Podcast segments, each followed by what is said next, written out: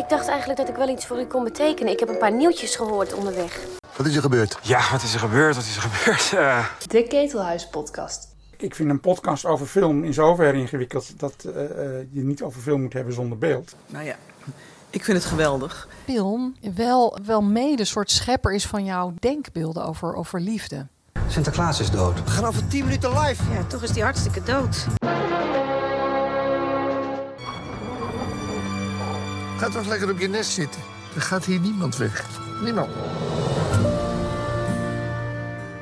De Ketelhuis podcast. Ik zou er maar naar luisteren.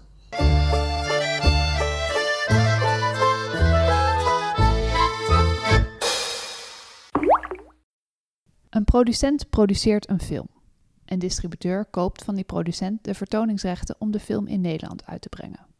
Een bioscoop of filmtheater tenslotte huurt die film van de distributeur en begint kaartjes te verkopen aan jullie. Zo eenvoudig zit onze filmvertonersbranche in elkaar. Of ligt het toch wat gecompliceerder? Mijn naam is Lieselotte Roodbol, medewerker van het Ketelhuis. Welkom bij de vijfde editie van de Ketelhuis podcast. Dit keer met de eerste aflevering van de basiscursus Filmeconomie voor beginners.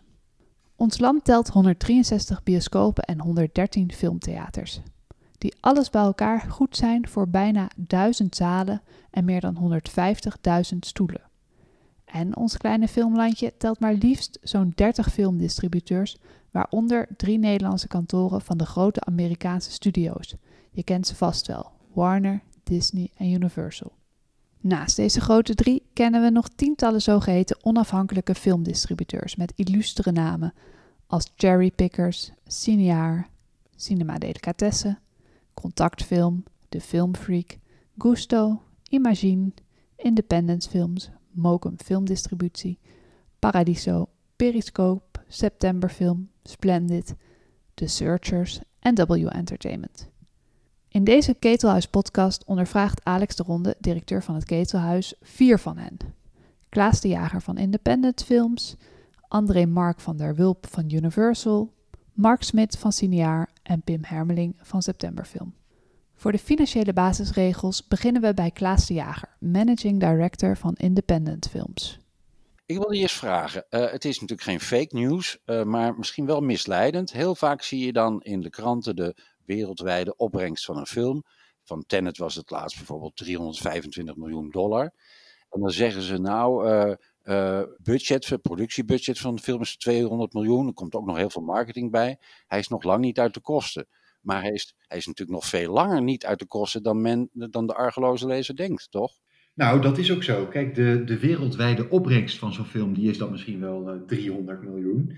Uh, maar dat is wel de omzet aan de kassa, dus uh, verkochte bioscoopkaartjes. En dat betekent dat natuurlijk de bioscoop ook een heel groot deel van, die, van die totaal opbrengst inhoudt. in Nederland is de verhouding ongeveer 40-60, dus 60% voor de, voor de bioscoop, 40% voor de distributeur. Dus voordat we echt uit de kosten zijn, uh, moet er inderdaad nog wel wat meer geld verdienen, verdiend worden aan de, aan de bioscoopkassa. En, en wat er bij jou binnenkomt, dus zegt 40% van de kassaopbrengst, daarvan hou je een deel zelf en voor een deel sluis je dat door naar de producent. In welke verhouding ongeveer? Nou, kijk, het klassieke model is wel dat uh, wat er bij ons nog binnenkomt, dat we eerst de P&A nog terugverdienen, hè, dus uh, print and advertising budget. Want die film die, uh, die brengen we natuurlijk naar de bioscoop, maar mensen gaan niet als vanzelf er naartoe. Dus we geven veel geld uit aan, aan marketing en publiciteit. Dus wat we eerst, of wat er binnenkomt vanuit de bioscoop, gaat dan off the top, zoals het heet, de P&A. En wat er dan nog overblijft, dat verdelen we in een verhouding met een producent. Nou ja, en dat varieert een beetje, maar het, het grootste gedeelte gaat daarvan ook over het algemeen naar de producent. Dus als distributeur houden we maar een klein beetje over. Stel je voor dat een film een miljoen doet aan de, aan de kassa. Uh, en, en wij krijgen daar uh, 40% van, dan dus 400.000 euro. Stel je voor dat we dan 200.000 euro aan P&A hebben uitgegeven, dan blijft er dus nog 200.000 euro over. En stel je voor dat we dan de afspraak hebben 40, 60 met een producent dan is dus 40% van die 200.000 is voor ons en, uh, en de rest uh, wordt overgemaakt naar de producent. Dus dat is, dat is het klassieke distributiemodel. Dus een distributeur is eigenlijk altijd de lul. Heel vaak wel, ja. Kijk, wij hebben natuurlijk dan ook nog een minimumgarantie betaald. Hè? Dus wij, wij garanderen een producent dat hij bijvoorbeeld 400.000 euro uit, uh, uit die bioscoopopbrengst uh, krijgt. Maar dat heeft hij al van tevoren gekregen. Dus van die, van die 120.000 euro die, uh, die de bioscoop of die de, die de producent dan krijgt. Dat houden we dan eerst nog weer zelf in. Hè? Wat, wat geef jij over het algemeen uit aan een P&A? Ja, dat hangt uh, heel erg van de release af. Maar bij een grote release, drie ton. Ja. Ja, dat zijn echt onze, ja, dat zijn wel een beetje de, de maximale budgetten die wij uittrekken. Dan moet je dus 700.000 euro aan de kassa omzetten, wil je die P&A-kosten er een beetje uit hebben. Ja. Ja. Vind, vind jij jezelf een beklagenswaardige bedrijfstak? Nou, als je het soms aan mensen uitlegt, dan, dan denk je wel, oh ja, we zitten wel uh, aan een, in, een, moeilijke hoek. Het is natuurlijk een hele risicovolle volle business, want je, je investeert geld in een film, hè, je betaalt een minimumgarantie. En vervolgens betaal je ook nog een keer de, de marketinguitgaven. Ja, en dan moet je maar hopen dat dat allemaal terugverdiend wordt. Met een bioscooprelease en, en al het andere wat daarna volgt. Dus ja, het is wel een, een spannende tak van sport. Lig je wel eens wakker? Uh, ja, soms wel. Wij hadden bijvoorbeeld in oktober twee grote releases, After We Collided en Bigfoot Family. Uh, die zijn beide in de markt gezet met een stevig P&A-budget, ondanks de toen al geldende beperkingen van 30 mensen per zaal. En toen was er die, die, die persconferentie van Mark Rutte en Hugo de Jonge. Ja, toen vond ik het wel heel spannend. Hè? Dus voor hetzelfde geld waren bioscopen toen al dicht gegaan ja, dan ben je natuurlijk wel het, uh, het haasje als je, als je net je marketinguitgaven hebt gedaan. En, ja, dus ik, wakker liggen is misschien een groot woord, maar ik vind het wel spannend soms. Ja. En niet alleen in, in COVID-tijd, maar ook wel daarbuiten. En nou ligt het, uh, ik zal uh, Warner bellen, want ja, dat is natuurlijk een, een Warner-productie gedistribueerd door Warner. Dan zijn die financiële stromen lopen waarschijnlijk wat anders, denk je niet? Dat lijkt mij ook. Oké, we hebben nu alweer een aantal nieuwe termen gehoord in deze cursus. P&A bijvoorbeeld, dat staat voor Print and Advertising, zeg maar de uitbreng- en reclamekosten van de distributeur. En MG, de Minimum Guarantee, oftewel minimumgarantie, het bedrag dat een distributeur vooruit betaalt aan een producent. Klaas de Jager heeft uitleg gegeven over de financiële basisregels voor vertoners, filmdistributeurs en filmproducenten. Voor de Nederlandse kantoren van de Amerikaanse majors ligt dat dus vermoedelijk anders. We vragen het Warner, de distributeur van Tenet, maar die laat per mail weten momenteel niet de openbaarheid te zoeken. Universal wil daarentegen wel praten. Wat heeft salesmanager André Mark van der Wulp ons te vertellen? Nou, ik heb een hele simpele vraag voor je. Klaas de Jager van Independent Films heeft uitgelegd hoe het uh, grosso modo gaat uh, in uh, de distributie- en vertoningswereld. Meestal blijft zo 60% van de recetten bij de vertoner hangen. 40% gaat richting distributeur. Met dat geld kan hij eerst de P&A uh, uh, recoupen en, en de MG. En wat er dan overblijft, dat wordt dan weer verdeeld tussen de, die distributeur en de producent of de agent of wie dan ook, wie die filmrechten heeft verkocht. Ik vermoed dat het bij de majors, zoals Warner en jouw Universal Pictures, uh, net iets anders ligt. Klopt dat? Als wij een film uitbrengen van Universal of Paramount of Sony, die in de eigen studios gemaakt is, ja, dan is de filmhuur is voor ons dus voor hun. Als wij hier als kantoor van Universal een film uitbrengen die wij zelf gemaakt hebben in de Hollywood Studios van Universal, dan is de filmhuur voor ons bedrijf. En daar wordt natuurlijk ook uh, die, met, met alle filmhuren al landen, die productie betaald. Alleen dat, ja, wat wij binnenhalen voor Universal film is voor Universal. En heb je die film zelf geproduceerd en gemaakt, ja, dan dan is het geld daar natuurlijk ook voor. Alleen er is niet een afspraak met zoveel procent van daarvan gaat naar dit en gaat naar dat. En daar heeft natuurlijk een independent waar Klaas over heeft direct afspraken over gemaakt. Die ons over het binnenkrijgen is ons moederbedrijf en daarvan wordt die film gemaakt. Je hebt ook vaak met uh, peperdure films te maken. Stel dat een film heeft 200 miljoen gekost. Dan staat vaak in de krant, nou wereldwijd heeft die film al 350 uh, miljoen dollar opgeleverd. Dus uh, het komt wel goed. Is dat niet een hele misleidende uh, berichtgeving? Ja, sterker nog, vaak staat er, eh, los van de bedragen, staat er die film heeft veel miljoen gekost en heeft al 250 miljoen opgebracht. Dus hij is winstgevend, dat is ook niet waar. Maar daar gaat een deel nog van naar de bioscopen.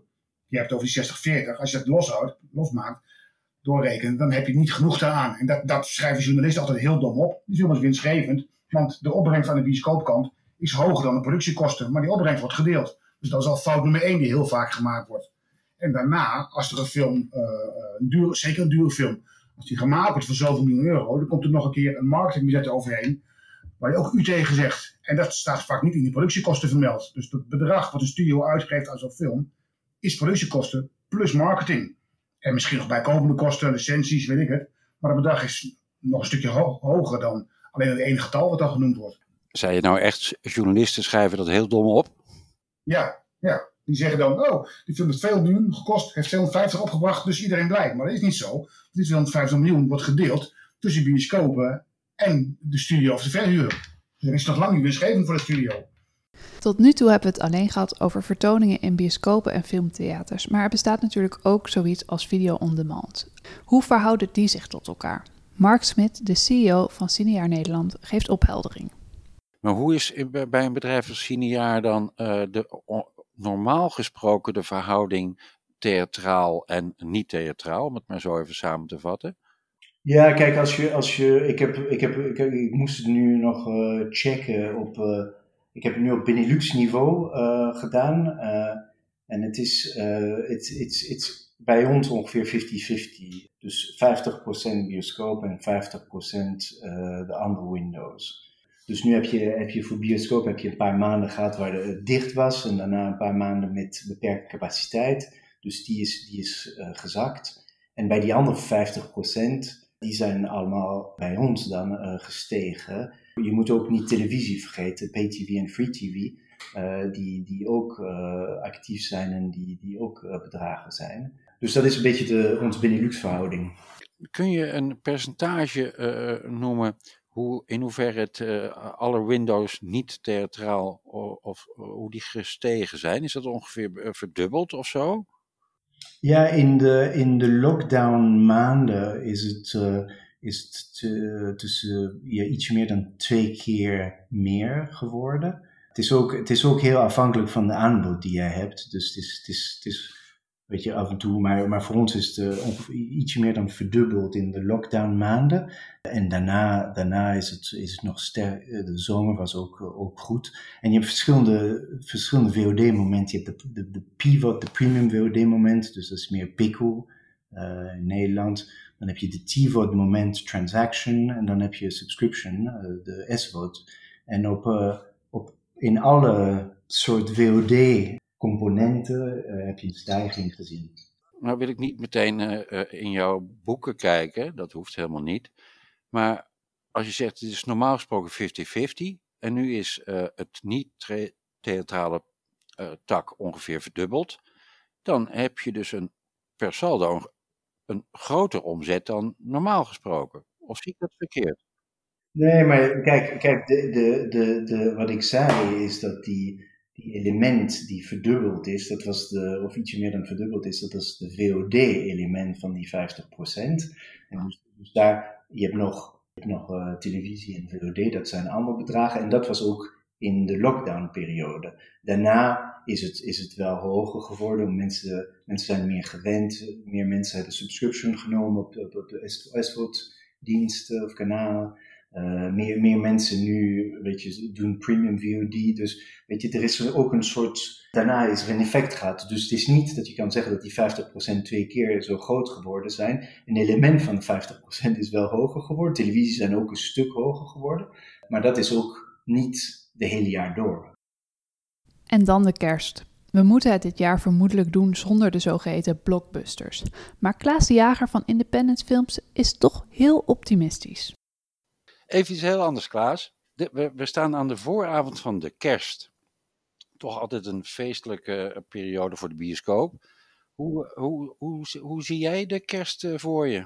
Nou, ik ben wel positief gestemd over de kerst. En als we weer open mogen, hoe dan ook, hè, of dat nou met 30 man per zaal is of met meer.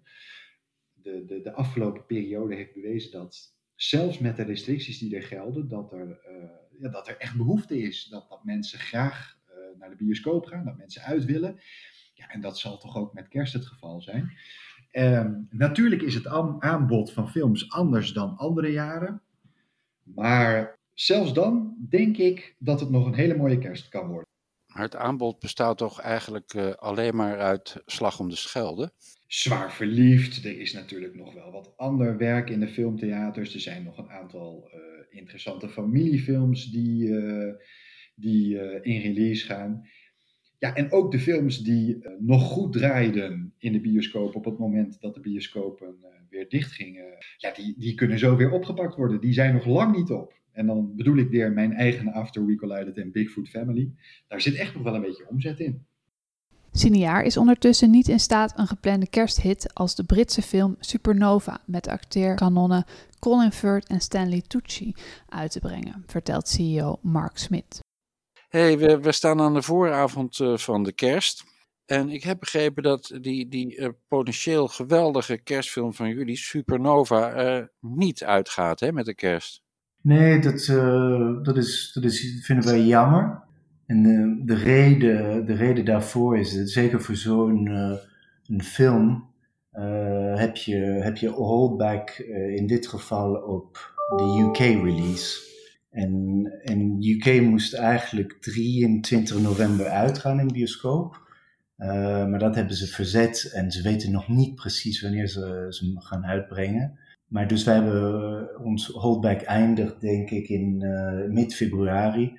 Dus wij gaan hem heel waarschijnlijk op die datum verplaatsen. Ja, je vindt het jammer, het is, maar het is niet rampzalig of zo. Nee, nee, ik vind weet je, dit, dit, iedereen, iedereen was heel blij met de titel. Het is echt een, een, eh, een sterke titel voor, uh, voor een vrij brede publiek. Want zijn, weet je, Stanley Tucci en uh, Colin Firth. En het is echt een, een soort film die die de bioscopen heel graag wouden hebben. Dus wij, wij, wij hadden echt gehoopt dat het kon en het kan helaas niet. Dus we moeten ons ook aanpassen. Er is, er is weinig wat wij daaraan kunnen doen. Hold back op de UK-release, dat betekent dus gewoon dat je hier met een bepaalde film niet eerder uit mag dan in Engeland. Nog één keer terug naar André Mark van der Wulp dan, van Universal. Nou, de bioscopen mogen vermoedelijk open blijven tijdens de kerst, maar het aanbod houdt niet over, hè? Hoe, hoe zie jij dat? Nou, er is aanbod genoeg. Als ik een film wil uitbrengen. Nee, goed, zoals we weten, door, door, door de coronamaatregelen worden de blockbusters allemaal verschoven. Omdat er uh, de consensus is, zeker internationaal, dat er niet genoeg uit de markt gehaald kan worden met deze regelgeving. Sluiten of maar 30 man bij ons. Um, dus alle blockbusters zijn er volgend jaar verschoven en gaan misschien nog een keer verschuiven. Ik heb geen kristallenbol, maar dat weet ik niet zeker. Maar er staan wel heel veel titels op de lijst. Als ik een kleinere film uitbreng, wat we wel gewoon doen, want we hebben als ik naar mezelf kijk, dit jaar nog, nou, nog meer dan een handvol films uit te brengen, dan is het best vechten om, om je doeken. Terwijl je ook zou zeggen, hé, hey, ik heb maar 30 man per zaal maximaal. Dus om mijn normale recette uh, te, te, garanderen, heb ik heel veel voorstellingen van je nodig. Ja, heel veel keer 30 is meer bezoek, dus meer geld. Maar ja, dat gebeurt niet, omdat er best veel films zijn die allemaal die voorstellingen willen. Dus de aanbod is niet schaars, maar er zitten geen blockbusters tussen. Behalve natuurlijk een uh, lokale productie die wel groot lijkt op papier. De slag om de Schelde. Ja, ja, ja. ja. En wij brengen de Cruise uit volgens nog. En dat is natuurlijk ook uh, op papier groot. Ja. Precies.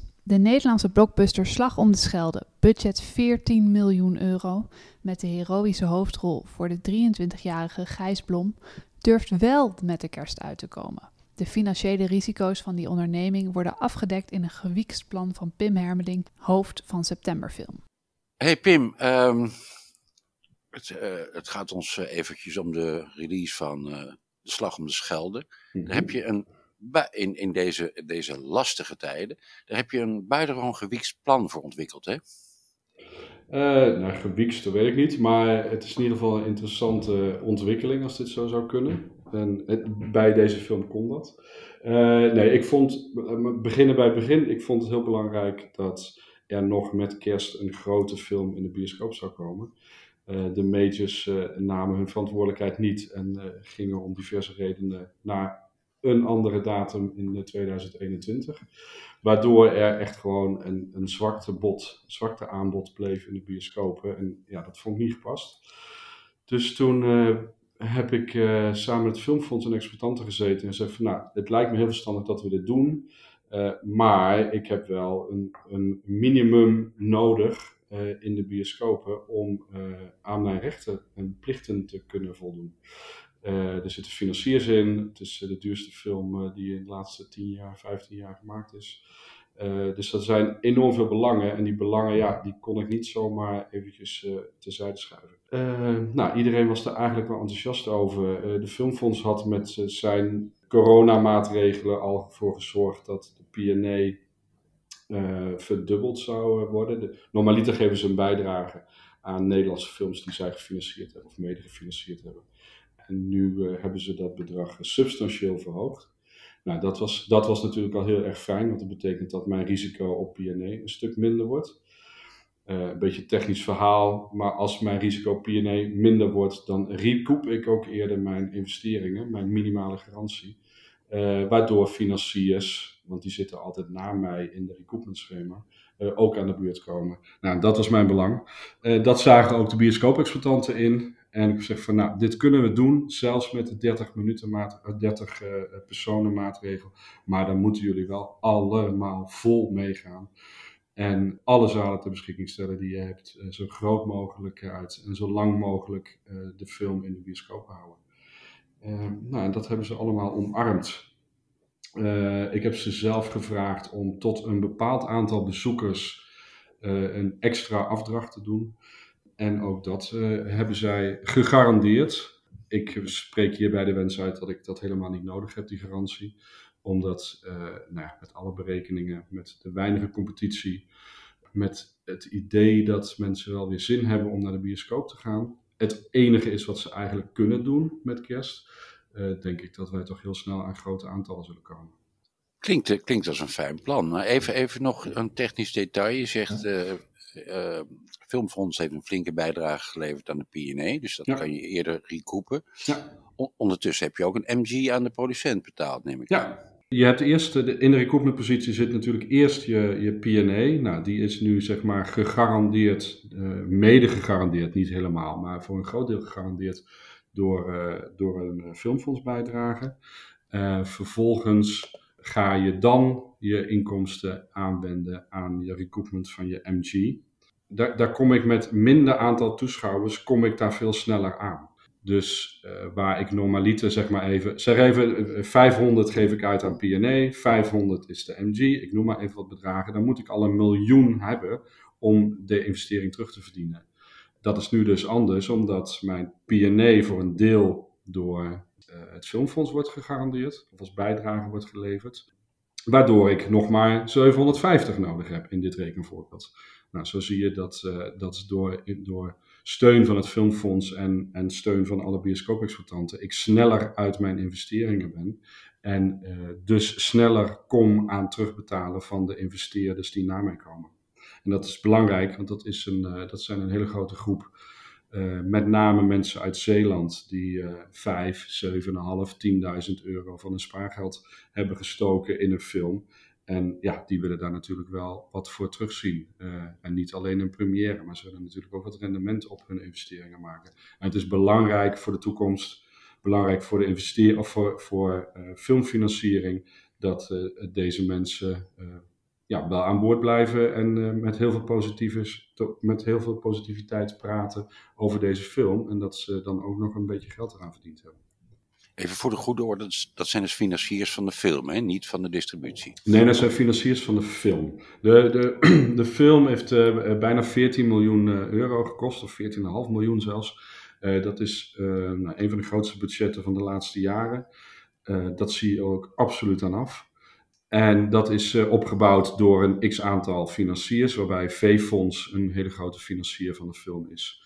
Maar ook het Nederlands Filmfonds natuurlijk en uh, publieke omroep. En Netflix is een financier. Ik ben een van de financiers. En dan heb je een grote groep mensen die een bijdrage hebben gedaan aan de film. En die ook een substantieel bedrag hebben meebetaald aan de film. Ja.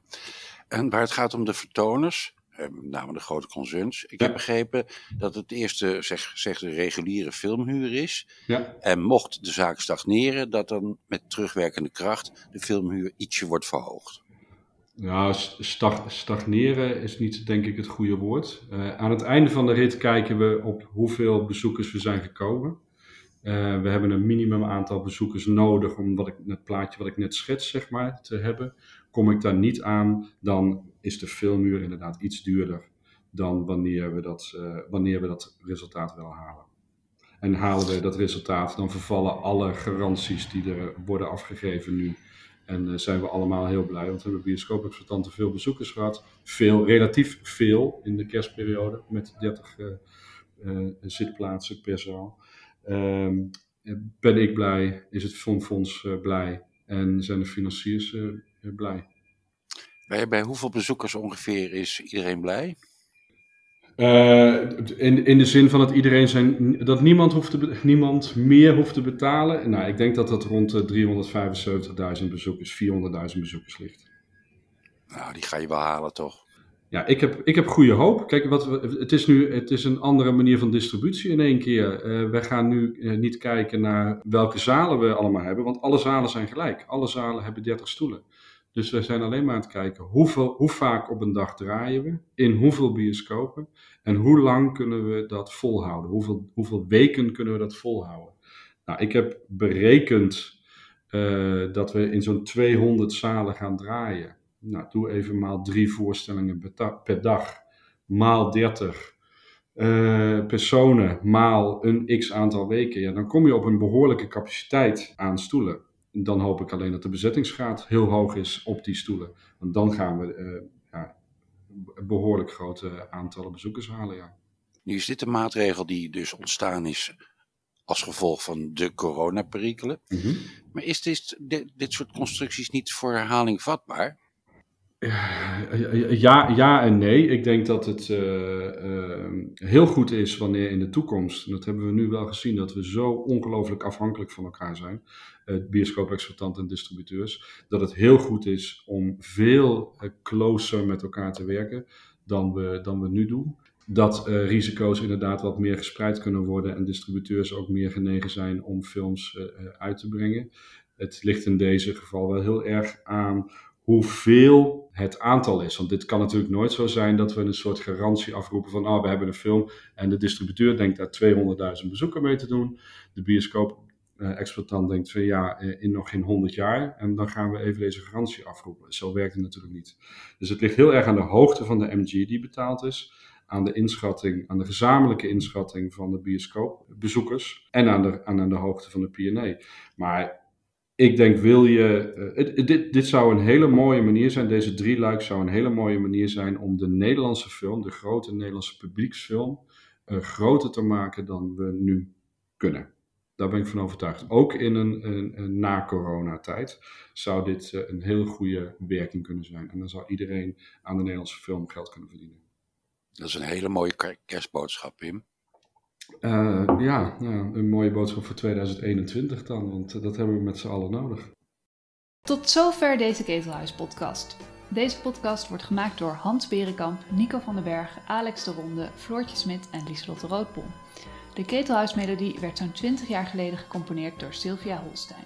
Je vindt de Ketelhuis-podcast in je favoriete podcast-app en natuurlijk op onze website ketelhuis.nl/podcast. Hou ons in de gaten, we zijn snel weer terug met een nieuwe podcast.